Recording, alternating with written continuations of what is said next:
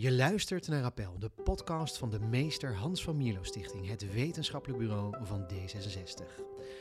Een podcast waarin we op zoek gaan naar vernieuwende sociaal-liberale ideeën en oplossingen voor politieke en maatschappelijke vraagstukken. Mijn naam is Daniel Schut. En we zien het ook in status, hè, hoog en laag opgeleid. Alleen al die, die hiërarchische termen, waar we natuurlijk vaak ook tegen ageren, zeggen vinden we eigenlijk heel onprettig. Maar het laat een soort kloof zien en die zien we op allerlei plekken terugkomen. Dus niet alleen op de arbeidsmarkt, maar je hebt ook dating voor hoger opgeleiden, verzekeren voor hoger opgeleiden, woningen voor hoger opgeleiden. En uh, toen ik uh, zwanger was, kwam ik er zelfs achter dat je zwangerschapsgymnastiek voor hoger opgeleiden hebt. Ja, het terugdringen van de ongelijkheid in het onderwijs staat in Nederland hoog op de agenda van onderwijsorganisaties, beleidsmakers en politieke partijen van links tot rechts. Tegelijkertijd lukt het ondanks alle goede bedoelingen maar niet om die ongelijkheid te verminderen.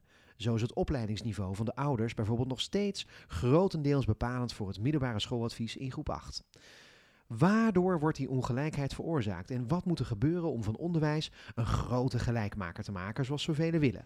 Hierover praten we vandaag met Louise Elvers, lector kansrijke schoolloopbanen in een diverse stad aan de Hogeschool van Amsterdam, onderwijsonderzoeker aan de Universiteit van Amsterdam en directeur van het kenniscentrum Ongelijkheid, ook in Amsterdam. Deze maand verschijnt haar boek Onderwijs maakt het verschil, kansengelijkheid in het Nederlandse onderwijs, waarin ze een aantal mechanismes blootlegt die de ongelijkheid in stand houden. Van harte welkom, Louise. Fijn dat je er bent. Dankjewel. Um, om te beginnen, um, noem eens een, heb jij een, een bijzondere herinnering aan je eigen schooltijd? Hè? Iets, een docent die je inspireerde of iets dat je is bijgebleven? Uh, ook misschien wel in lijn met dit onderwerp al? Nou, dat laatste is in ieder geval, daar heb ik wel een paar die eigenlijk laten zien dat ik al jong wel een beetje met dit onderwerp bezig was. Ik weet in ieder geval dat ik in groep 8 uh, eh, op mijn basisschool in Amsterdam-Zuid, waar ik denk meer dan de helft van de leerlingen naar het VWO uh, zou gaan, uh, kregen wij zo'n schoolgidsje. Dat was van de gemeente Amsterdam.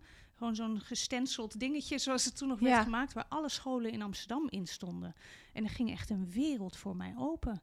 De LTS, de LHNO, de Lagere Huishoud- en Nijverheidsschool. Alles van voor het VMBO.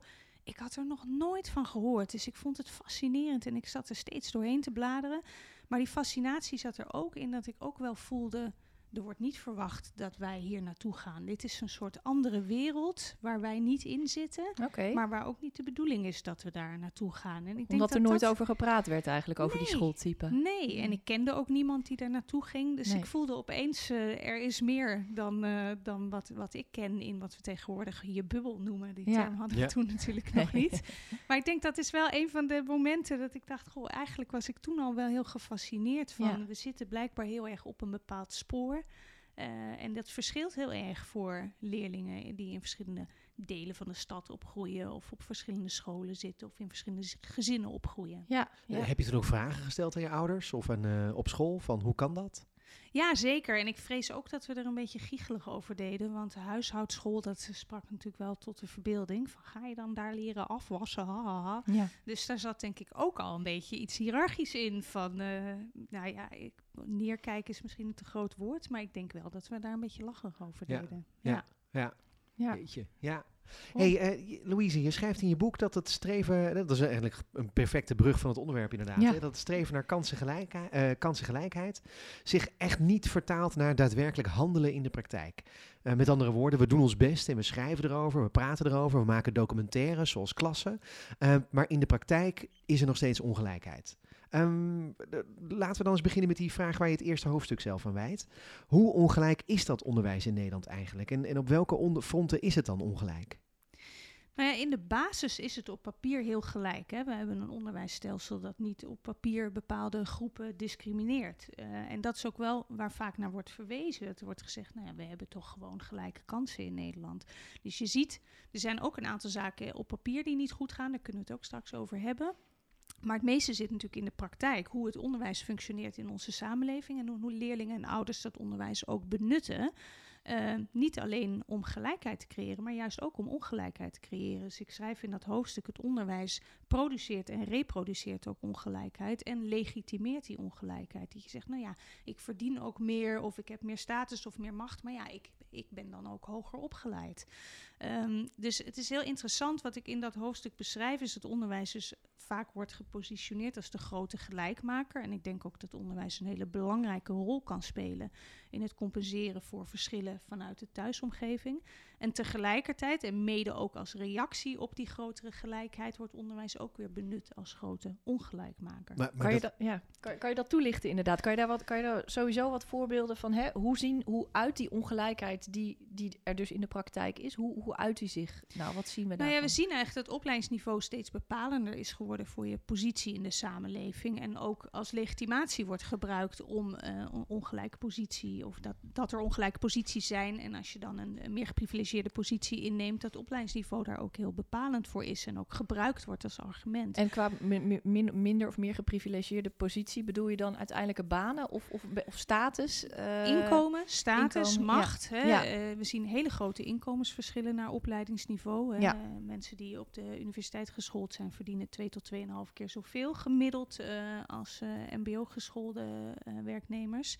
Dan zeggen mensen altijd, oh, maar ik ken een straatarme academicus uh, of een uh, hele rijke loodgieter. Ja, die bestaan ook. Het gaat hier om gemiddeldes. Maar ook als je kijkt naar de samenstelling in de Tweede Kamer. Hè, 92% van de uh, Kamerleden is hoog opgeleid. Ja. En we hebben ook mooi onderzoek dat laat zien dat dat ook echt uh, verschillen in belangenbehartiging uh, teweeg brengt. Dus er zit ook een verschil in macht. En we zien het ook in status, hè, hoog en laag opgeleid. Alleen al die, die hiërarchische termen, waar we natuurlijk vaak ook tegen ageren, zeggen, vinden we eigenlijk heel onprettig. Maar het laat een soort kloof zien en die zien we op allerlei plekken terugkomen. Dus niet alleen op de arbeidsmarkt, maar je hebt ook dating voor hoger opgeleiden, verzekeren voor hoger opgeleiden, woningen voor hoger opgeleiden.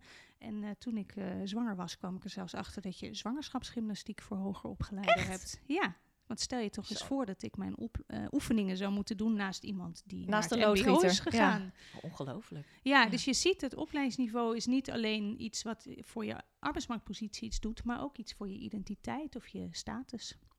Ja.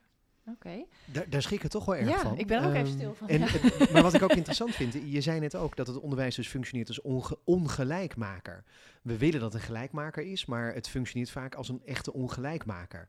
Dat betekent dat je dus nu processen kunt aanwijzen, je direct kunt aanwijzen. Want dit is hoe kinderen die vanuit ouders komen, uit een gezin komen wat lager opgeleid is en dus een lagere socio-economische status heeft nu, uh, dat, dat ze teruggeduwd worden, echt actief tegengehouden worden. Heb je daar voorbeelden van? Ja, zeker. Nee, want dat is helaas precies wat er gebeurt. Dus wat we zien is dat we in het basisonderwijs eigenlijk heel veel investeren juist in het gelijk maken van de kansen van kinderen. Dus als we weten dat een kind uit een gezin komt waar de ouders misschien minder geschoold zijn of schulden hebben of niet uh, het Nederlands uh, spreken, dan gaan we bij voorbaat eigenlijk al extra investeren in de kansen van die leerlingen. Dan krijgen onderwijsachterstanden ja. gelden. Precies. Um, dus extra begeleiding, extra onderwijs om te zorgen dat zij uh, meer input krijgen om zich aan de hand van die input te kunnen ontwikkelen. Want we zien natuurlijk dat die kinderen vaker uh, met een ach relatieve achterstand binnenkomen. Ik zeg altijd, let op dat het relatief is. Je kunt ook die andere groep voorsprongleerlingen noemen ja. in die zin. Maar die verschillen zijn groot. En dan gaan we heel erg investeren om te zorgen dat ze dezelfde kansen krijgen om hun talenten te ontplooien. Nou, so, uh, soms lukt dat nog onvoldoende. Dus we kunnen zeggen, misschien is die acht jaar basisonderwijs ook wel te kort. Maar stel dat het lukt en leerlingen dus ondanks dat verschil in thuissituatie op hetzelfde niveau uitkomen in het eind van groep 8 dan werpen wij in het onderwijs dat obstakel dat ze aan de hand van het onderwijs hebben overwonnen, ja. alsnog voor de voeten. Dan zeggen we, ja, je presteert wel op hetzelfde niveau, maar ja, je ouders spreken de taal niet, je ouders hebben geen onderwijs in Nederland gevolgd of kunnen je slecht helpen met je huiswerk. Dus ik ga jou toch lager adviseren dan dat kind met dezelfde prestaties die wel die steunende thuisomgeving Dus een van de grote ongelijkmakers is de docent aan het eind die zegt einde basisschool. Uh, ja, het was wel heel veel moeite en uh, we zien dat je heel zwaar valt. Dus je gaat maar niet door naar uh, het gymnasium bijvoorbeeld. Ja, nou ben, ben ik altijd voorzichtig met de docent als de schuldige aanwijzen. Want ja. ik denk dat het heel erg ook gaat over de vraag... waarom ga je eigenlijk zo vroeg selecteren en zo st stevig selecteren mm -hmm. als wij nu doen? Want ik denk dat het heel nuttig is dat een basisschooldocent zegt aan het eind van de basisschool... nou, dit hebben we de afgelopen jaren met deze leerling gezien en ik denk dat dit een goede vervolgstap kan zijn. Maar nu wordt dat advies gebruikt als een dwingende voorspelling over het verdere verloop van die schoolloopbaan. En het stuurt dus ook die schoolloopbaan heel sterk. Dus voor mij, ik denk dat we moeten uitkijken dat we eindeloos in die discussie blijven hangen van mag het nou de toets en het advies of we, hè, de volgorde. Ja, die CITO-toets, die ja, speelt natuurlijk ook nog een... Dit, uh... dit stelsel hebben, moeten we het daar absoluut over hebben. Maar ik vind eigenlijk dat je de discussie breder moet trekken... naar hoe selectief moet een funderend onderwijssysteem eigenlijk zijn. Dus in het primair en het voortgezet onderwijs... moet je dan niet veel meer die leerkansen maximaliseren... en ruimte geven voor leerlingen om ook onze verwachtingen te overstijgen... Uh, af te wijken van een route... of als het toch te pittig was, een stapje terug doen. Mm -hmm. Want de negatieve consequenties van een te hoog advies... want dat lijkt heel erg uh, de drijf drijfveer van veel leraren te zijn om te zeggen: begin dan maar voorzichtig, ik adviseer je wat lager. Maar de negatieve consequenties van een te hoog advies zijn zo groot als wij ze zelf maken. Die hoeven niet zo groot te zijn als nu het geval zijn. Hè? Als je heel categorale scholen hebt, of het in ieder geval heel sterk scheidt, ook ja. binnen een schoolgemeenschap kan dat gebeuren. Ja, als het dan toch te pittig was, moet je afstromen. Die termen ze zegt of, of je blijft vaak eerst zitten. En als het ja. dan toch niet lukt, moet je afstromen. Moet je in het slechtste geval van school af. Raak je je vrienden kwijt. Dat is natuurlijk allemaal heel naar. Ja. Um, dus wat je eigenlijk ziet is dat het vaak uit een soort overbescherming is. Van nou ja, wij hebben in het basisonderwijs jou heel erg extra ondersteund. Maar straks op die middelbare school gaat dat niet meer gebeuren. Ik ben bang ja. dat je het niet redt. En misschien hebben uh, leraren ook wel eens gelijk. Dat ze zeggen, ja, op het gymnasium wordt het ook wel heel erg lastig als je ouders je niet kunnen ondersteunen en je niet kunnen helpen met het huiswerk. Dus dan zeg ik, dan zijn, ben je eigenlijk correct kansenongelijkheid in het voortgezet onderwijs aan het voorspellen. Ja. En dat is nog steeds een vorm van kansenongelijkheid. Ja. En, en dat is dan inderdaad aan het einde van de basisschool. Hè? Je zegt alles wat er, is ge, wat er gelijk is getrokken tijdens die basisschoolperiode in de vorm van extra ondersteuning en uh, dergelijke. Nou, dan, dan aan het einde is dat, is, dat een beetje, is dat een beetje verminderd, die ongelijkheid. Um, maar voordat kinderen naar school gaan, is er ook sprake van ongelijkheid. Want waar ik echt wel van schrok, was die casus uh, die jij beschrijft in je boek van de moeder van Victorine in Amsterdam. Ja. Wil je hem zelf uh, vertellen? Ik ja, dat, dat is hele... overigens niet voor het basisonderwijs, want dat is een uh, leerling die halverwege het basisonderwijs oh, halverwege. wilde instromen. Okay, ja. Ja, dat is een casus in Amsterdam geweest waar een Marokkaanse moeder uh, probeerde haar kind op een bepaalde basisschool geplaatst te krijgen. En die school zei helaas, er is geen plek. En toen twijfelde zij. Waarom ze twijfelde, weet ik niet. Maar nee. ze heeft toen gedacht, ik uh, mail onder een Nederlandse naam, ja. Kim Schutte. Ja. En of er plek was voor haar dochter Victorine. En toen was er plotseling plek. En toen dacht ze, dat is raar, laat ik het verifiëren. Dus toen heeft ze nogmaals onder haar eigen uh, Marokkaanse achternaam ja. gemaild. Uh, van, klopt het dat er echt geen plek is? Nee, er was echt geen plek. En daarna heeft ze nog een keer onder die naam Kim Schutte gemaild van... klopt het dat mijn kind inderdaad binnenkort uh, kan instromen. Ja. En dat was het geval. Nou, dat zijn natuurlijk anekdotes. Het is uh, flauw om te zeggen, daar kun je meteen aan afmeten hoe ongelijk de kansen zijn. Maar even later kwam er in Utrecht ook uh, een heel rapport uit dat liet zien dat die basisscholen heel selectief hun leerlingen op wachtlijsten ja. plaatsen afhankelijk van de achtergrond. En op die manier proberen een bepaalde leerlingpopulatie aan zich te binden. Ja, je zegt dus achtergrond, maar eigenlijk is het niet anders dan achternaam. Ja, precies. Ze nou, speculeren is, wat dat betekent. Dat ja, is, het is ja we zien dus eigenlijk een patroon naar migratieachtergrond en naar opleidingsniveau van ouders. En als ja. het gaat over die ongelijke advisering bij de overgang naar het voortgezet onderwijs, zien we het opleidingsniveau doorgaans bepalender is. Ja, dus als een, een, een Marokkaans gezin waarbij de beide ouders naar de universiteit zijn gegaan, dan zal hun kind uh, eer wel, die, dat, dat goed presteert wel eerder naar het, het VWO worden. Ja, dus wat je eigenlijk doet in dat soort analyses, is dat je beide kenmerken meeneemt. Dus ja. je controleert voor het een en voor het ander. Tegelijkertijd, dus daar zien we eigenlijk landelijk dat op sommige scholen juist leerlingen met een migratieachtergrond uh, vaker hoger geadviseerd worden en op andere scholen juist vaak lager. Dus dan ja. heb je geen uh, structureel patroon. In Amsterdam zijn wel structurele patronen naar migratieachtergrond gevonden. Okay. Dus dat leerlingen met een migratieachtergrond uh, vaker lager geadviseerd worden bij gelijke prestaties. Dat is altijd heel belangrijk om te benadrukken. Ja, je vergelijkt dan een groep leerlingen die op de toets hetzelfde, uh, dezelfde score halen. En dan zie je dat ze ongelijk geadviseerd en geplaatst worden naar gelang hun achtergrond. Ja, en, en daarbij um, uh, stip je ook iets, iets aan wat ik ook heel opmerkelijk vond in je boek. Um, de paradox van meritocratie die een rol speelt bij die hardnekkige kansenongelijkheid. Um, kan je uitleggen, wat houdt die paradox in en hoe speelt hij een rol bij die kansen, die ongelijkheid die jij hier beschrijft? Nou, wat heel interessant is, is dat we zien dat op scholen waar juist veel leerlingen zitten die bijvoorbeeld in aanmerking komen voor het achter, onderwijsachterstandmiddelen, dus scholen die juist heel erg zich profileren en positioneren als grote gelijkmaker, dat trekt juist doorgaans ook leraren die juist deze leerlingen willen helpen om te groeien en te bloeien. En juist op die, leerling, uh, op die scholen wordt er uh, lager geadviseerd bij gelijke prestaties. En hoe komt dat? En dat is natuurlijk heel verwarrend. Ja. Hoe kan het nou dat, en dat schrikken die leraren natuurlijk ook van, die zeggen, ja, maar ik werk juist op deze school omdat ik uh, die kinderen maximale kansen wil geven. en daar haal ik dat, die paradox van meritocratie, die wordt onder andere in... Um, onderzoek op in arbeidsmarktorganisaties of uh, werkorganisaties gevonden. Dat juist als je dus heel erg overtuigd bent van je eigen meritocratische bril, ik kijk alleen maar naar talent of naar kwaliteit. Raak je soms juist blind voor je eigen vooroordelen. Want basis is, daarom zei ik net ook, pas op dat je de leraar de schuld geeft. We zijn allemaal mensen, we hebben allemaal vooroordelen. Dus de vraag is, hoe zorg je dat je die niet uh, te veel van invloed laat zijn? En alleen al is het dan belangrijk om je te bewust te zijn van de bril waarmee je kijkt.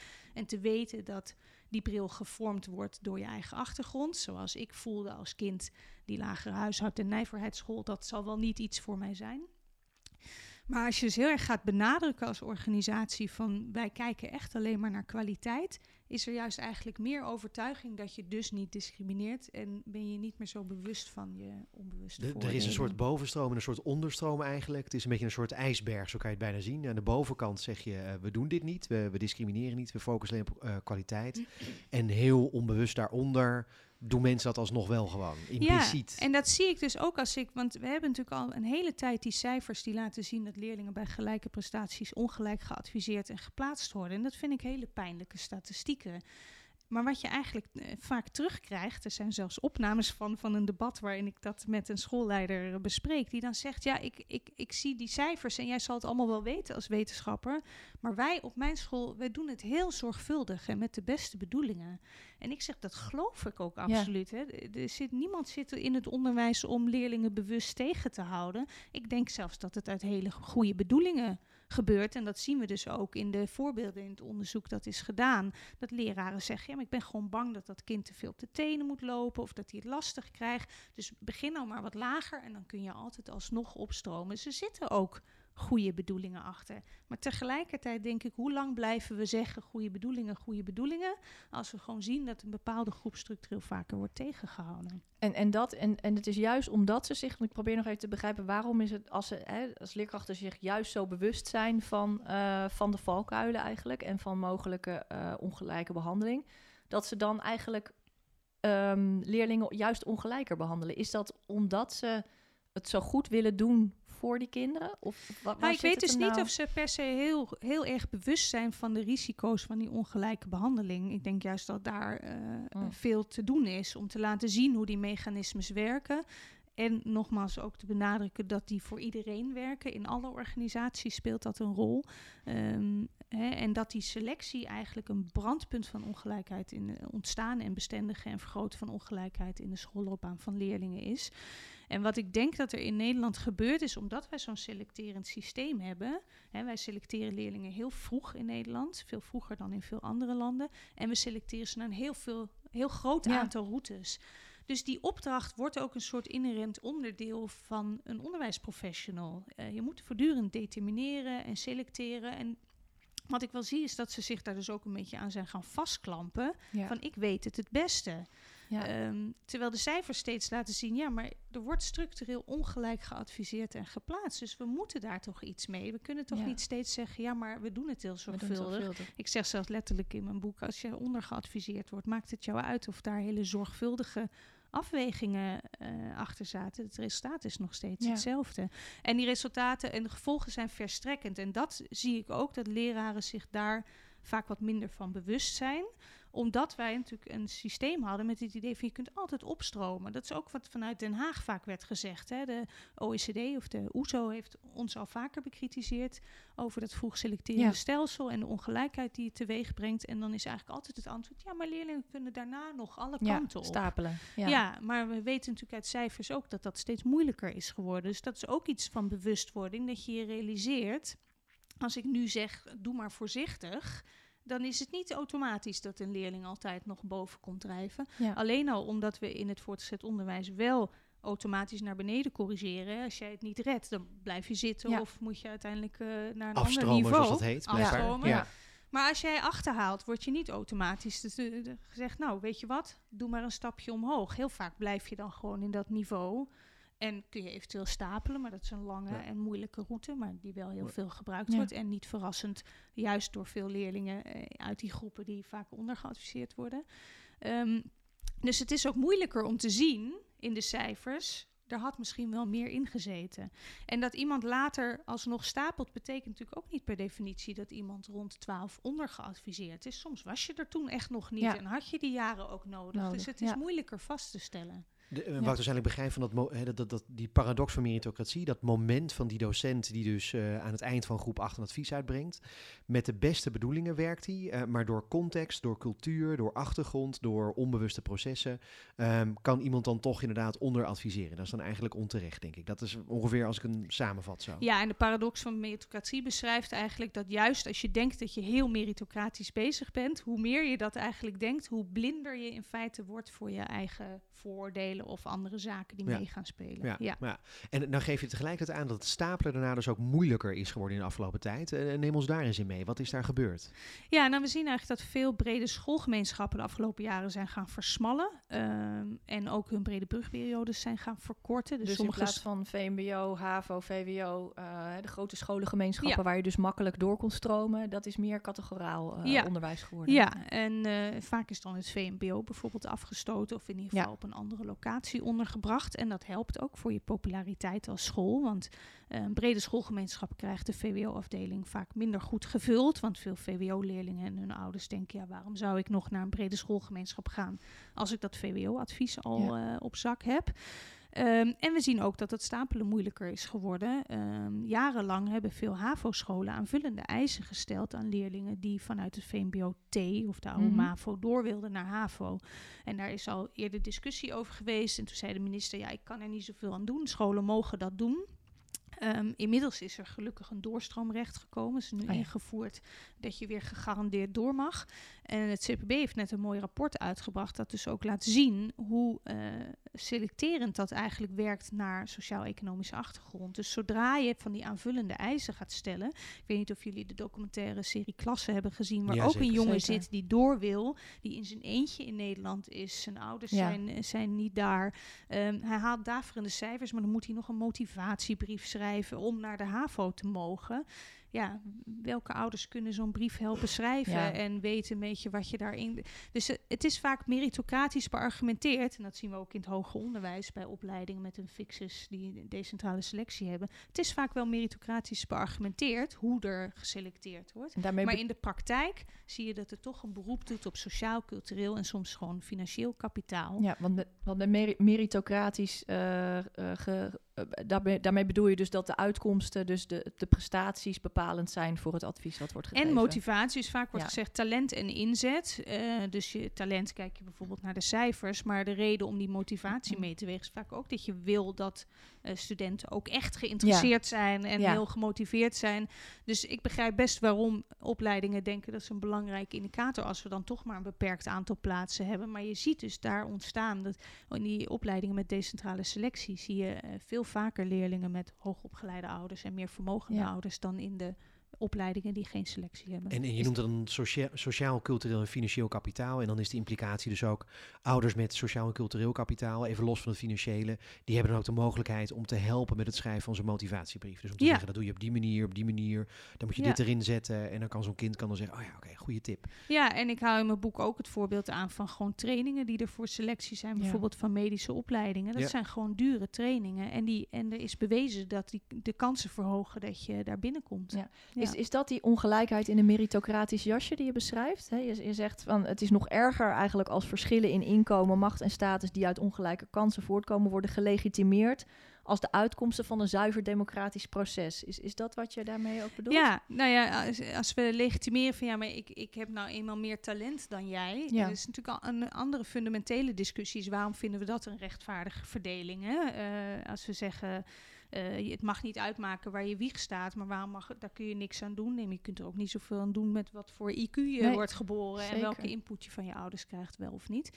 Maar in ieder geval, als je zegt dat vinden we rechtvaardiger doorgaans dan dat we zeggen of je van adel bent, maakt uit, of uh, andere vormen van verdeling. Maar als die vervolgens eigenlijk niet zuiver meritocratisch zijn, dus we zien je kansen om in te stromen in HAVO-VWO hangen deels af van je achtergrond, dan vind ik het heel problematisch als we vervolgens zeggen, nee, maar we hebben toch gewoon een meritocratisch systeem, dus wie aan de top zit, zit daar ook terecht. En dat laat ik in mijn boek ook zien. Uh, het is ook heel moeilijk als je in een groep van winnaars zit, zeg maar. Uh, dan, en je bent zelf ook een winnaar, uh, om het maar even in die termen te benoemen, is het ook lastiger om te zien welke obstakels misschien andere mensen in de weg hebben gezeten. Ja. Dus je schrijft vaak ook je eigen successen meer toe aan je eigen talent en je harde werken. Want je hebt talent en je hebt hard gewerkt. Dat, eh, het, als je dat ter discussie stelt, dus niet om te suggereren dat iemand het allemaal cadeau heeft gekregen en daar ten onrechte zit. Hè. We praten natuurlijk graag in die karikaturen van het rijke luiszoontje dat met bijlessen door het VWO wordt gesleept. Die zal ook bestaan. Maar ook degenen die op andere manieren de wind mee hebben, moeten nog steeds trappen om een, om een bepaalde bestemming te bereiken. Dus het is niet om te suggereren, je zit daar geheel onterecht. Nee. Maar wees je bewust dat jij de wind mee had. En ik weet niet hoe het met jullie is, maar als ik fiets en de wind mee heb, merk ik pas op de terugweg hoe hard die wind blies. Ja. Dacht ik, oh, ik was heel lekker aan het fietsen. Dus je moet de wind tegen ook kennen om te begrijpen wat, waarom anderen misschien niet niet in die positie zitten. Ja. En het is heel lastig om daar zicht op te krijgen. En dan vind ik het dus een probleem als je met je groep winnaars zeg maar zegt, nou, maar wij hebben toch heel hard gewerkt, dus wij zitten hier terecht. En dan beargumenteer je je positie meritocratisch, Terwijl het misschien wel niet zuiver meer het, het klinkt een beetje als de, de, survivor bias, hè? het bekende fenomeen dat uh, iemand koopt een lot en die wint daar dan toevallig heel veel mee. En die zegt, zie je wel, als je maar hard werkt, dan win je. Ja. ja. Um, maar het was gewoon toeval eigenlijk. Nou, en we halen natuurlijk ook heel graag de uitzonderingen aan. Hè? Dus die ene leerling die helemaal vanuit het niets of vanuit een heel uh, minder stimulerende achtergrond wel dat gymnasium heeft behaald. Voor ons het bewijs dat ons systeem heel meritocratisch functioneert. Maar het feit dat het een uitzondering is, zegt misschien al genoeg. Maar ik laat eigenlijk in mijn boek ook zien, hè, op de voorkant staat een slang die zichzelf in de staart bijt. Het onderwijs bestrijdt de ongelijkheid die het zelf produceert en reproduceert. Dus hoe meer uh, mensen die, die uitzondering worden, totdat het geen uitzondering meer is. En hoe meer mensen dus bijvoorbeeld nu het hoger onderwijs bereiken, dat zien we in Nederland natuurlijk ook. Hè. In de jaren 60 was 5% hoog opgeleid. Nu is in de grote steden de helft van de uh, beroepsbevolking hoog opgeleid.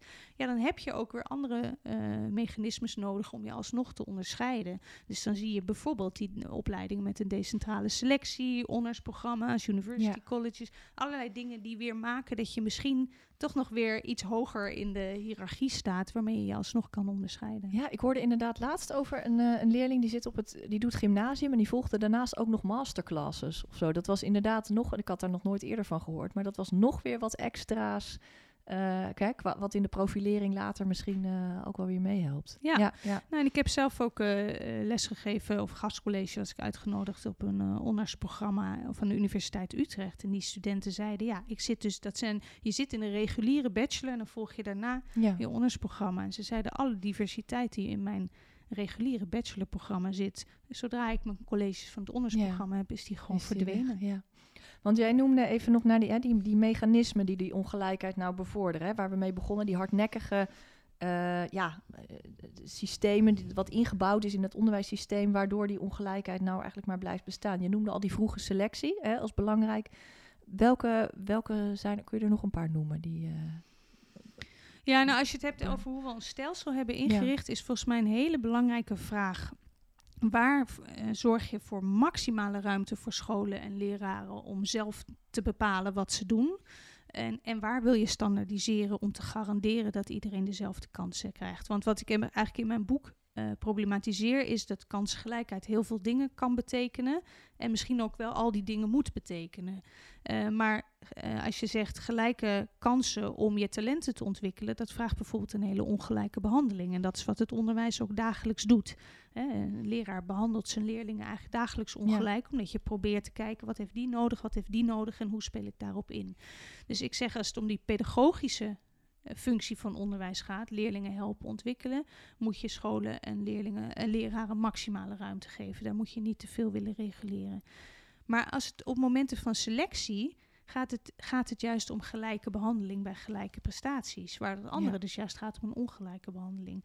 En daar zien we nu ten onrechte een ongelijke behandeling ontstaan omdat wij zeggen nee, scholen en leraren mogen daar individuele afwegingen in maken. En het ligt ook gevoelig in. Nederland is het onderwijs heel erg gedecentraliseerd. Hè. Niemand mag zich ermee bemoeien. Uh, het moet zoveel uh, mogelijk bij scholen en leraren liggen. En volgens mij moeten we zuiver kijken waar moet je die ruimte maximaliseren. Nou, dan zeg ik dat zit in die pedagogische opdracht. Maar waar moet je ook standaardiseren? Zeggen geen individuele afwegingen van de leraar, maar gewoon garanderen als jij een bepaald prestatieniveau laat zien, dan heb jij dezelfde kansen als elke andere leerling om in te stromen in een bepaalde route. Want wat je nu ziet is dat het afhangt van de individuele leraar, van de samenstelling van je klas, van je school en van de regio waar jij onderwijs volgt, of jij met bepaalde prestaties door kunt naar een bepaalde vervolgroute. Dus te weinig nog van de CITO-score, want die is juist wel weer, uh, heeft weer een grotere rol gekregen. Nee, die is naar achter geschoven de afgelopen jaren. Dus het schooladvies is bepalend geworden. En, dat, en die toets, uh, je mag als je dan hoger scoort op de toets een heroverweging oh, aanvragen. Ja, ehm, scholen geven die heel vaak niet. Eén op de drie van de scholen zegt bij voorbaat wij heroverwegen niet. Nou, dat vind ik een heel interessante vraag van waarom, welke interpretatie geef je aan die toets dat je zegt zelfs als een leerling onze verwachtingen overstijgt, dan blijven we vasthouden aan dat lagere advies. Um, en je ziet ook in veel regio's, bijvoorbeeld in Amsterdam, als jij alsnog dat gymnasium of VWO-advies eruit weten slepen met die toets. Ja, dan zijn die, die plekken op die scholen al lang vergeven. dus dan kun je er ook niet meer zoveel mee. Dus daar gaat nu weer aan gemorreld worden. Maar dat is precies waar ik dus ook een beetje moe van word. CITO-toetsje naar voor, CITO-toetsje naar achter. In plaats van dat we breder denken, moeten we zo selectief zijn. Want we zijn nu heel erg aan de schroefjes van die sorteermachine aan het, uh, aan het morrelen. Um, maar als je, als nu zei, ik zei net, het maakt uit welke leraar het advies geeft en op welke school, et cetera. Maar als je het voortgezet onderwijs flexibeler inricht, zou dat ook niet zo erg zijn. Dan zou je als leerling al snel de ruimte hebben om te zeggen, nou, mijn leraar gaf dat advies, maar ik denk dat ik toch misschien nog wat meer wil en mag ik het eens proberen? Probeer het, is het toch te pittig, kun je weer terug? Die ruimte hebben wij in het voortgezet onderwijs niet. Laten we, laten we het straks verder hebben over wat we kunnen doen om het beter te maken. Uh, maar een andere vraag die nog wel een beetje bij mij uh, leeft, is de vraag: we, we, we, bespreken nu heel erg inderdaad het selectiemechanisme, ja. maar impliciet klinkt het dan toch nog een beetje alsof we het eigenlijk goed vinden dat zoveel mogelijk mensen naar een, ik doe maar even met aanhalingstekens, zo hoog mogelijk opleidingsniveau gaan. Ja. Terwijl eh, dat is ook een deel van het probleem natuurlijk. Je zou ook kunnen zeggen, mijn kind krijgt een MBO, VMBO-advies of iets anders. En dat is gewoon helemaal prima, want dat past inderdaad het beste bij mijn kind. En dat is gewoon geweldig, want daar kun je fantastische beroepen mee hebben. En je status in de maatschappij hangt daar helemaal niet meer van af. Dus kunnen we daar, moeten we daar ook niet vanaf? Ja, heel graag dat we het daarover hebben, want dat is een heel belangrijk punt. Uh, ik ik uh, uh, benoem in mijn boek eigenlijk drie benaderingen van kansengelijkheid. Dus de eerste is die gelijke kansen op je talenten ontwikkelen, waarvan we eigenlijk zeggen, daar heb je een ongelijke behandeling doorgaans van nodig. Tweede is bij gelijke geschiktheid gelijke kansen krijgen, dus gelijke leerkansen om in te stromen in een bepaalde route, gelijke kansen op het behalen van een diploma. Dat vergt juist een gelijke behandeling. Maar die derde behandeling, noem ik dan gelijke kansen bij ongelijke geschiktheid, die stelt eigenlijk die fundamentele vraag van waarom bezien we dat onderwijs eigenlijk zo hiërarchisch en moeten we niet veel meer toewerken naar gelijkwaardigheid tussen die routes. Ik denk dat iedereen het daarmee eens is dat dat goed zou zijn. Wat ik alleen heel moeizaam vind, is dat dat ideaal als excuus wordt gebruikt op het moment dat je aankaart dat er ongelijke kansen bij gelijke geschiktheid worden gegeven. En uh, dus vaak als je je bezighoudt met kansgelijkheid, uh, ik zeg altijd in het debat staat er altijd op een gegeven moment iemand op die zegt, ja maar VWO is niet helemaal niet hoger dan het VMBO. En zeg ik, daar ben ik eh, heel erg mee eens dat dat moreel niet zo is. En ik ben het er ook heel erg mee eens dat we moeten nastreven dat dat wel zo is. Maar ten eerste is het in de praktijk op dit moment niet zo. En dat laat ik ook dus met cijfers zien. Eh, nogmaals, eh, de individuele uitzonderingen daar gelaten. Maar in, eh, gemiddeld maakt het echt uit. Biedt het je betere kansen om zo hoog mogelijk te komen. Dus dat is eigenlijk ook wat ik in mijn vorige boek zei. Probeer alsjeblieft niet ouders te verwijten dat ze op die prikkels reageren. Want dat is hoe wij ja samenleving hebben ingericht. Maar het tweede punt is, dus het eerste is op dit moment is het helaas niet gelijkwaardig. Maar ja, laten we er zeker naar streven dat dat wel zo is.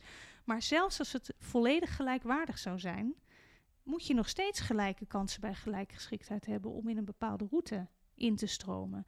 Dus het antwoord op die ongelijke selectie, waarbij we dus zien dat leerlingen met gelijke prestaties toch, als ze uit een minder geschoold milieu komen, bijvoorbeeld veel vaker naar het VMBO worden verwezen en met hoogopgeleide of meer vermogende ouders naar het VWO. Het antwoord daarop is niet, oh, maar het is gelijkwaardig.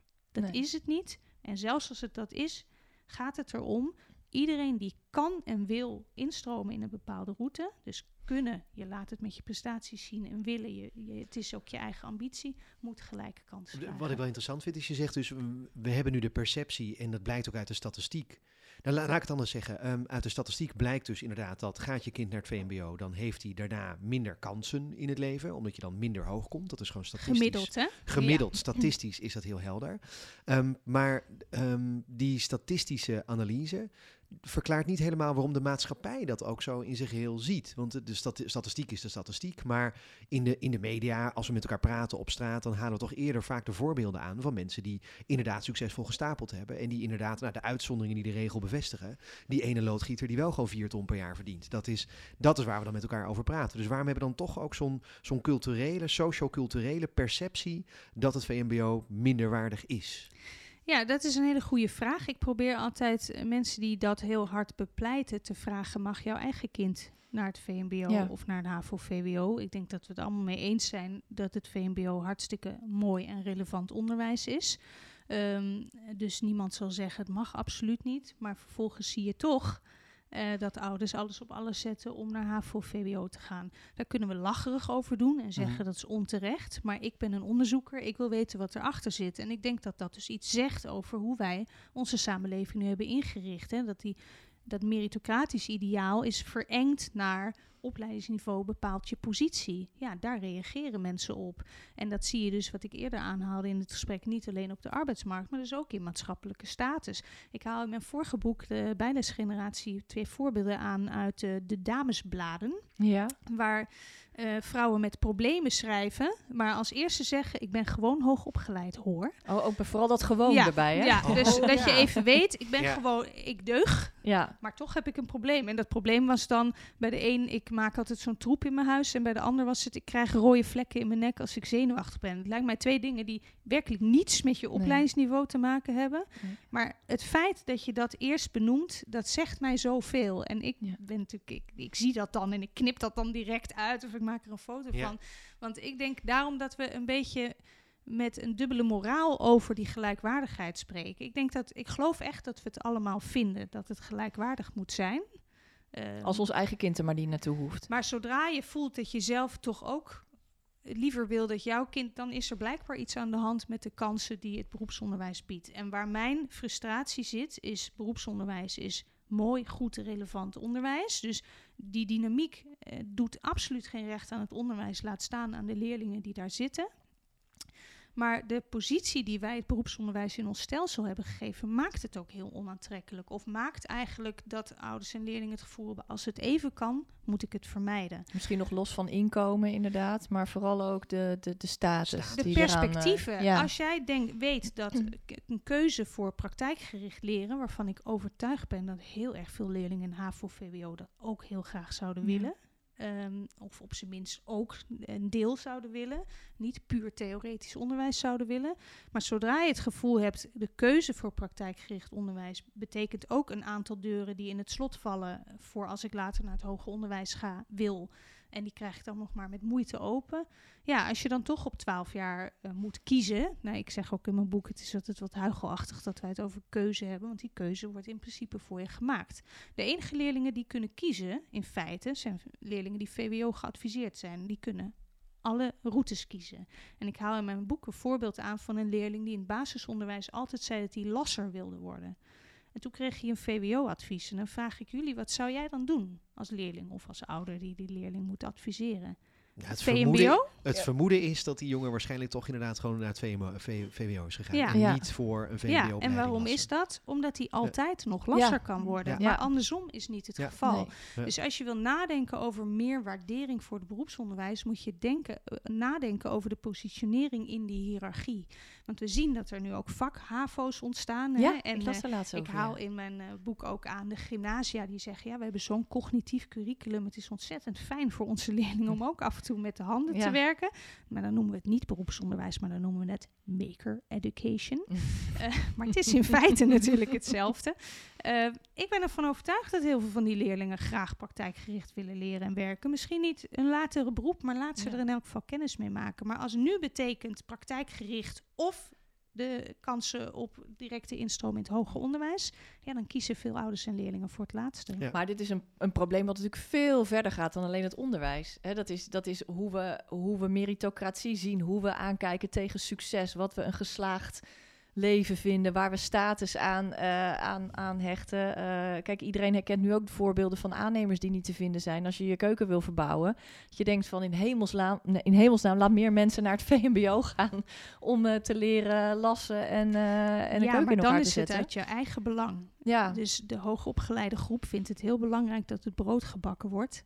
En dat de wasmachine gerepareerd wordt en dat er een aannemer is die je huis kan verbouwen, maar stuurt zijn eigen kinderen toch naar het VWO en naar de universiteit. Dus daar moeten we steeds over nadenken. Ik zeg altijd waardering, want er wordt altijd gezegd meer waardering voor het beroepsonderwijs. Maar waardering betaalt je hypotheek niet. Ja, dat is helder. Dat is helder. Je zou het ook dan kunnen omdraaien door sociaal-maatschappelijke signalen in te stellen die zeggen als hoogopgeleide moet je eigenlijk kapot schamen dat je niet zelf je eigen brood kan bakken. Dan heb je een veel meer soort sociaal signaal dat je dat niet kan, dat je niet weet hoe je een raam moet vervangen of zo. Veel sterker sociaal signaal dan als je zegt ja, ik vind het wel fijn dat er iemand is die mijn raam erin kan zetten. Nou ja, en, ik, en we moeten toch ons afvragen of die talenten een, een, een basis moeten zijn voor ongelijke inkomen, status en macht. Want we kunnen wel zeggen we moeten het beroepsonderwijs onderwijs veel meer waarderen. En, maar zelfs als dat zo is, en in sommige landen in het Oostblok was dat in het verleden ook zo, hè, was juist de intellectuele uh, groep werd uh, onderaan gezet en de arbeider op een voetstuk. Maar dan nog heb je, ja, welk talent je ook hebt, je, met je handen of uh, muzikaal of sportief of cognitief, het is ook maar aankomen waaien. Dus waarom vinden we dat eigenlijk überhaupt een belangrijke ja. basis om ja. uh, zo ongelijk uh, te behandelen? Om salaris op te baseren ook, of om te, wa ja. om te waarderen. Ja, en dus wat jij zegt is heel terecht, dat zeg ik ook in mijn boek, een deel van die derde benadering, van die gelijkwaardigheid, dus gelijke kansen in de samenleving, ongeacht je geschiktheid. Dus dat je allemaal in ieder geval volwaardig kunt participeren of een goede plek in die samenleving kunt vinden. Dat ligt natuurlijk voor een belangrijk deel buiten het onderwijs. Ja. Ik zeg altijd, mijn studenten die uh, komen vaak met de oplossing meer waardering voor het beroepsonderwijs. En zeg ik altijd, tof, wie gaat het doen? Ja. Maar er zit wel een deel ook in het onderwijs door hoe wij dat beroepsonderwijs positioneren. En ook hoe we voor leerlingen bepalen of zij getalenteerd zijn met hun hoofd of met hun handen. Want dat doen we op basis van relatief prestatieniveau, cognitief prestatieniveau. Dus heel veel keuze zit er niet in. Er wordt niet gevraagd: wil jij graag praktijkgericht leren of wil je theoretisch leren? En in mijn vorige boek haal ik ook aan leerlingen die in groep 8 moeten huilen omdat ze een VMBO-advies krijgen. Ik denk niet dat dat is omdat ze het jammer vinden dat ze straks niet op de HAVO meer theoretisch mogen leren. Dat is omdat ze het gevoel hebben, ik krijg een soort boodschap het dat is een ik maatschappelijk onderaan signaal, sta en, ja. en in de hiërarchie. En het voelt een beetje als een game over, omdat de aantal deuren ja. uh, meteen in het slot vallen en nou met veel moeite nog weer open En dat terwijl je twaalf bent, ja. Ja, en dat ja. heel vroeg. Ja. ja. Maar is dat ook niet, daar is, daar is op zich wel al veel over, uh, er wordt al veel over gesproken, is dat ook niet gekomen um, doordat op een gegeven moment die MAVO verdween en al die, uh, hè, die onderwijsvormen die jij in het begin noemde, LTO, LNO, dat dat allemaal VMBO is geworden? Want ik kan me nog goed herinneren, toen ik in groep 8 zat, uh, heel veel kinderen kregen een MAVO-advies. Ik heb daar geen huilende, dat was, niet, e, dat was helemaal geen ding of zo. Ik kan me daar geen huilende kinderen van, van herinneren. Het, het helpt ons om te weten welk jaar dat was. mag het niet vragen. En bedankt, maar, Daniel. Ja. Uh, ik ging in uh, 1990 naar de middelbare school. Alright, dus dat ja. is... Nee, maar de vorming van het VMBO, uh, dat is een heel belangrijke vraag. Of daar uh, deze leerlingen en deze scholen uh, baat bij hebben Ik heb het idee dat, die, dat, dat dat statusverschil toen veel groter is geworden. Je, je zag het alleen al doordat veel scholen die VMBO-T, dus voor hè, de MAVO, HAVO, VWO scholengemeenschap werd VMBO-T, HAVO, VWO. En al heel gauw gingen ze toch weer MAVO, MAVO. op hun, ja. op hun gevel plakken. Ja. ja. Nee, je ziet het echt in mijn vorige boek, dat ging vooral over die bijlessen en waarom ouders zo hard uh, proberen om dat VMBO te vermijden. Dat heeft niks met de aard van het onderwijs te maken. In hun argumentatie gaat het over de leerlingen, hun, hun beeld van die leerlingen, vooral ook uh, het beeld van die scholen. Ja. En wat ik heel treurig vind, dat haal ik in mijn, dit huidige boek waar ik het nu over hebben aan, is het VMBO is geen afvoerputje, wordt er steeds gezegd. Ja ik heb steeds nog niet kunnen vinden wie ooit de eerste was die wel heeft beweerd dat dat het is. Dus je ziet ook een soort bestendiging van dat frame, doordat elke keer wordt gezegd: ja, er heerst in de media zo'n negatief beeld van het VMBO, als zou het het afvoerputje zijn. die twee termen worden helemaal onlosmakelijk met elkaar. Je krijgt een soort denk niet aan nou ja, we doen het nu ook, ja. nu noem ik het ook weer. Dat moet ik dus niet doen. Maar eh, ik denk, als we alsmaar roepen: oh, maar dat is het niet. Dan wordt het dat. Ja, ja. dan denken ouders denk ik toch gauw of leerlingen, nou, ja. Is, is het zo? Of wat is er toch aan de hand? Uh, laten we dan kijken naar meer oplossingen. Want uh, een van de problemen die dus analyseert is de, de selectie. De, de hele nou ja, sorteermachine noemde je het. En dat is een angstwekkend beeld van een machine die dan kinderen zo... Heel eng is dat. Um, de andere is dus meer waardering voor het beroepsonderwijs. Maar dan oprecht dus inderdaad. Wat, wat voor oplossingen stel je voor? Wat kunnen wij als maatschappij doen om, uh, om het beter te maken? Ja, nou wat ik in ieder geval uh, uh, als belangrijk punt ook in mijn aanbevelingen heb, is dat we uit moeten kijken voor het glazen plafond van de lage verwachtingen. Dus we zien gewoon dat bepaalde leerlingen, uh, daar is een beeld, en dat is een stereotyp beeld van uh, dat zij minder zouden kunnen. En het verdrietige is dat misschien dat onderwijsachterstandenbeleid er ook wel een beetje aan bijdraagt. Want dat doen we juist preventief. Hè. We stellen geen achterstand bij een leerling vast, dan investeren we in die leerling. Maar we kijken naar kenmerken van die leerling. En dan gaan we op basis van die kenmerken extra investeren. ja, het opleidingsniveau van de ouders inderdaad. Ja, en of ze schulden hebben en uh, in het buitenland geboren zijn. En ik vind het heel goed dat we dat doen. Want we gaan gewoon meteen vol uh, ze extra onderwijs en begeleiding geven. Volgens mij is dat heel goed. Maar tegelijkertijd valt het op dat precies die kenmerken weer worden aangehaald als argument om leerlingen bij gelijke prestaties tegen te houden. Dus er zit een stereotypering in van nou, die, die kan het misschien niet. En wat we ook horen van stapelaars is dat er bij elke stap weer wordt gezegd, nou, ik weet het niet hoor, ik weet niet of jij dat kan. Ik zie het ook in het onderwijs, in het mbo wordt gezegd, ja, maar die leerling komt uit het praktijkonderwijs. Hè? In het HBO wordt gezegd, ja, maar dat zijn studenten uit het MBO. In, op de universiteit, ja, dat is een HBO-instroom. Maar er zit altijd een voorbehoud bij. Je, je, je bent geen echte, je bent eigenlijk ergens anders uh, begonnen. En als wij een vroeg selecterend stelsel hebben en zeggen, oh, maar je kunt daarna nog alle kanten op, daar zitten ze, dat is niet helemaal waar. Dus ik zeg, zet, zet schoolloopbanen niet voortijdig op schot. En dat zit dus heel erg in het flexibiliseren van dat voortgezet onderwijs. Waarbij ik een heel belangrijk punt altijd wil maken, is dat dat niet betekent dat als je definitieve selectie uitstelt, dat dat niet betekent dat je geen verschillend onderwijs voor verschillende niveaus kan aanbieden. Want daar gaat de discussie in Nederland altijd helemaal van het pad af en dan stopt die meteen. Is het beeld dat als je zegt, misschien moeten we wat minder vroeg die schoolloopbanen op slot stellen, zetten. Dat mensen denken dat je pleit voor middenscholen die trouwens ook niet dat waren wat het beeld daarvan is. Het beeld daarvan is eenheidsworst tot 15 jaar. Allemaal hetzelfde onderwijs. Ja, dat, Alle wordt, dat is nu ook weer, elkaar. Dat is nu ook weer voorgesteld, hè? Een driejarige brugklas, zeg maar. Ja, maar, het voorstel was helemaal niet drie jaar alle leerlingen bij elkaar in de groep. Maar daar uh, meteen alle opiniepagina's vol. Er wordt heel hard geschreeuwd dat dat het zou zijn. Een verbod op excelleren. Grieks en Latijn wordt afgeschaft.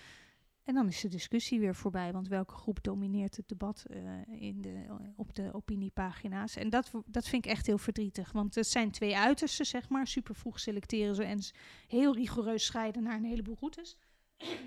of leerlingen tot 15 allemaal hetzelfde onderwijs geven, maar daartussen zit heel veel. En dat daartussen is wat ik bepleit. Je kunt heel goed leerlingen op VWO-niveau laten instromen en op 15 vaststellen echt VWO'er. En dat wordt ook je uitstroomprofiel. En tegelijkertijd leerlingen die misschien meer kunnen, uh, maar op het moment van de overgang bijvoorbeeld op taalniveau nog wat achterlopen om net niet direct in te stromen. Althans, alsnog de kans te geven om tussentijds te wisselen. Dus er zit ruimte in de onderbouw van het voortgezet onderwijs. En er zijn ook steeds meer scholen die daarover nadenken. Zeggen, wij kunnen dat anders organiseren. Wij willen het ook anders organiseren. Omdat we eigenlijk zien dat die focus op selectie onze pedagogische opdracht in de weg staat. En dat vergt dus ook geen grote stelselwijziging. Want dat is natuurlijk altijd altijd het andere punt dat meteen komt ja. van, oh, dan gaan we zeker weer alles op de schop. En uh, hebben we hele slechte ervaringen mee in Nederland. Maar ik denk ook niet dat je dat moet doen. Je moet juist heel erg leraren en schoolleiders aan boord krijgen, die, zoals nu dus ook al gebeurt, zeggen: Dit is eigenlijk helemaal niet mijn visie op wat onderwijs zou moeten zijn. Dus kunnen we het niet anders inrichten. Die kun je extra financieren en faciliteren, zodat dat aantrekkelijke scholen worden. Meer dan dat je zegt: vanaf nu moeten alle scholen verplicht alle niveaus aanbieden of zo. Ja, ik denk dat dat niet zo realistisch is. Vraagt dat niet nog meer van de leerkrachten, waar er al natuurlijk een enorm tekort, uh, van, tekort aan is? Nou, dat krijg ik dus vaak als reactie. Weet je wel hoe moeilijk het is om te differentiëren in een hele heterogene groep? Maar ik pleit dus niet voor van 12 tot 15 jaar extreem heterogene groepen. Je kunt heel goed naar niveau op niveau onderwijs geven. Als leerlingen maar die zeggen: ik wil een stapje extra proberen. Nou, ga eens in die klas waar het op VWO-niveau wordt aangeboden. Probeer dat eens een maand of twee maanden. Is dat toch te pittig? Ga je toch terug? En pas op 15 kijken Dan de we definitieve... wat, wat heb je gepresteerd, wat heb je laten zien en waar wil je naartoe. Dan heb je namelijk ook meer ruimte voor dat. Wil je meer praktijkgericht of meer, meer, wil je meer theoretisch uitstromen? Dus het idee dat ik bepleit dat iedereen maar bij elkaar moet en de leraar moet het maar oplossen. Dat is ook helemaal niet wat het is. Want dat differentiëren is heel moeilijk. En we zien ook in het basisonderwijs, daar doen we dat natuurlijk wel. Al die groepen bij elkaar. Daar zie je ook in groep zeven kinderen die zich al vervelen. Die zich, uh, ja, en, en dat zijn ook de mensen die heel bang worden als je het over het aanpassen van dat selectiemoment hebt. Die denk ik verveelde me al in groep 7 en 8. Ga je me nu ook nog, nog drie jaar in die groep Nee, je zou eigenlijk kunnen zeggen, er is niet één moment van selectie dat voor alle leerlingen werkt. Sommigen kunnen al meer en willen meer, anderen hebben juist heel veel extra begeleiding nodig. En voor anderen is het nog meer zoeken. Het kan eigenlijk allemaal. Ja, ja, ja. En heb, heb je nog andere, zijn er nog andere oplossingen of andere dingen die we, die we zouden kunnen veranderen? Ja, we hebben het dus over het beroepsonderwijs gehad. Uh, dat noem ik niet zozeer meer waardering, maar laat het een positieve keuze zijn in plaats van een vonnis, zoals het op dit moment helaas uh, vaak wordt ervaren. Wat natuurlijk echt geen recht doet aan het onderwijs en aan de leerlingen. Dus ik word daar ook altijd heel verdrietig van. Maar ik zeg, dat hebben wij georganiseerd. Als kinderen in groep 8 moeten huilen als een VMBO-advies uh, krijgen, dan doen wij iets verkeerd in Nederland. En dan moeten we niet tegen die jongeren zeggen: wat is dit nou voor onzin? VMBO is hartstikke mooi. Nee, kennelijk zit er iets waar zij uh, verdrietig, van, worden, En daar moeten we iets mee. Ja. Uh, het andere is dat we meer centraal moeten gaan sturen op kansgelijkheid. Dat vind ik echt. Hè. We hebben een heel gedecentraliseerd onderwijssysteem. Uh, en ik noemde al eerder in dit gesprek, daar waar het gaat om die pedagogische opdracht, moet je volgens mij helemaal niet centraal sturen. Geef scholen alsjeblieft de ruimte om dat maximaal in te vullen zoals zij zien wat nodig is met hun leerlingen. Maar als het dus gaat over uh, die selectie, dan vind ik het echt heel treurig dat we nu een minister uh, in het vorige kabinet een minister hadden die dan moest zeggen: Nou, scholen willen jullie alsjeblieft zo kansrijk mogelijk adviseren. En daarna moet constateren: Goh, jammer dat jullie dat niet, hebben gedaan. Of scholen die zeggen: Wij gaan per definitie niet heroverwegen. Dat zijn echt honderden basisscholen in Nederland die zeggen: Wij gaan bij voorbaat al niet heroverwegen als een kind misschien op die eindtoets veel hoger scoort. En dat de inspectie dan zegt: Goh, wat jammer, want de cijfers laten zien dat als je dat wel doet, dat ze het meestal ook wel redden. Dat vind ik zo zijlijn sturen. Daar zou je toch echt wel meer kunnen doen. En het laatste is wat ik oproep, is wees het systeem. Uh, dat ik vind dat we gauw geneigd zijn om kansengelijkheid als een project voor kansarme leerlingen te zien. En dat is natuurlijk ook een heel belangrijk onderdeel. Hè? Hoe vergroot je de kansen van leerlingen die misschien extra investering nodig hebben, die meer onderwijs en begeleiding nodig hebben om zich te kunnen ontwikkelen. Maar het gaat ook over het tegengaan van onterechte privileges, of in ieder geval het bevragen van de positie van wat ik dan eerder in dit gesprek de winnaars noemde. Mhm. En je ziet dat daar natuurlijk heel veel gevoeligheid ligt. Het is natuurlijk makkelijker om te applaudisseren voor kansgelijkheidsprojecten ver van je bed dan ook te kijken naar je eigen positie. En dat zie ik dus ook gebeuren zodra zo'n onderwijsraad met een voorstel komt om dus die selectie uit te stellen, wordt er heel hard geschreeuwd. in het debat door de groep. Door de op- hoogopgeleide- Door, door, door de groep winnaars, om het zo maar te Ja. zeggen.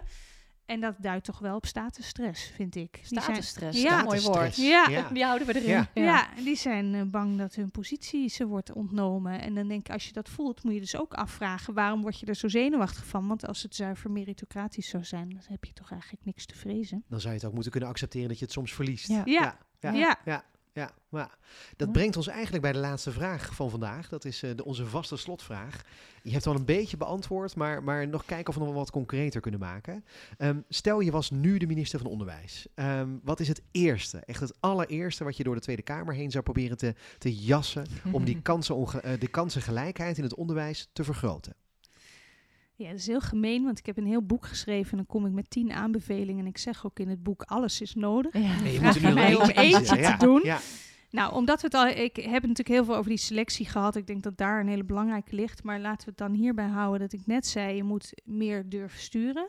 En een hele belangrijke waarop je dat zou kunnen doen... is een ongelijkheidstoets in je beleid te maken. Je hebt van in, eh, bij wonen bijvoorbeeld en bouwen... eh milieueffectrapportages. Dat je ook moet kijken wat is het effect op het milieu. Onbedoelde effecten, onbeoogde effecten... En ik vind dat we dat ook moeten doen bij eh, onderwijsbeleid. Want bijvoorbeeld dat die eh, eh, eindtoets in groep 8 is naar achter geschoven omdat eh, hè, leraren ervoeren dat die hele groep 8 in, alleen maar nog over die toets ging. Ja. De ervaring van één puntje maakt uit voor die hele school. En wel met hele legitieme argumenten om dat te heroverwegen. Maar de keuze die nu is gemaakt, daar werd toen al door veel mensen, waaronder onderwijssociologen, gezegd: dit gaat de kansenongelijkheid vergroten. Ja. En dat is ook gebeurd. En nu gaan we het weer terugdraaien. Dat had gewoon voorkomen kunnen worden. En dat is een hele belangrijke, want we zien ook echt in de cijfers, dat is in schooljaar 2014, 2015 gebeurd. Toen zijn die ongelijke kansen, eh, dus afmetend aan de ongelijke adviezen en plaatsing naar sociaal-economische achtergrond, gigantisch toegenomen. Dus dat is echt in één klap zijn de kansen ongelijker gemaakt Door die maatregel. En dat had gewoon voorkomen kunnen worden. Ja. Dus ik denk, je moet het je meer aantrekken als beleidsmaker. Dat zeggen we niet alleen maar dus die zijlijn van ik hoop dat jullie kansrijk adviseren en plaatsen, maar dat ook kunnen afdwingen. Er zit ook nog een vraag van hoe je dan je, je opbrengstenberekening in het onderwijs doet. Daar hebben we nu geen tijd meer voor, denk ik, om het over te hebben. Maar zorg in ieder geval dat je toetst bij je beleid. Zou dit mogelijk tot ongewenste effecten eh, kunnen leiden? Bijvoorbeeld door st- eh, strategisch gedrag van scholen. eh, of door Ja. eh, dat je meer ruimte laat voor invloed van kapitaal van ouders. Dan moeten we er misschien voor een andere keuze maken. Dus Voer, een- voer een oer in, een ongelijkheidseffectenrapportage. Oh, ja, Ja, fantastisch. Ja. Ja. ik had niet beter kunnen zeggen. Alright. Een oer, ja. Hartelijk dank Louise Elvers voor je komst. En jij luisteraar, dank dat je luisterde. Vergeet niet je te abonneren op deze podcast als je dat nog niet hebt gedaan. En wij zijn er weer over twee weken en dan spreken we met Cody Hoogstenbach over de wooncrisis. Tot dan! Nodig is om veerkracht en solidariteit terug te brengen in Europa. Tot dan!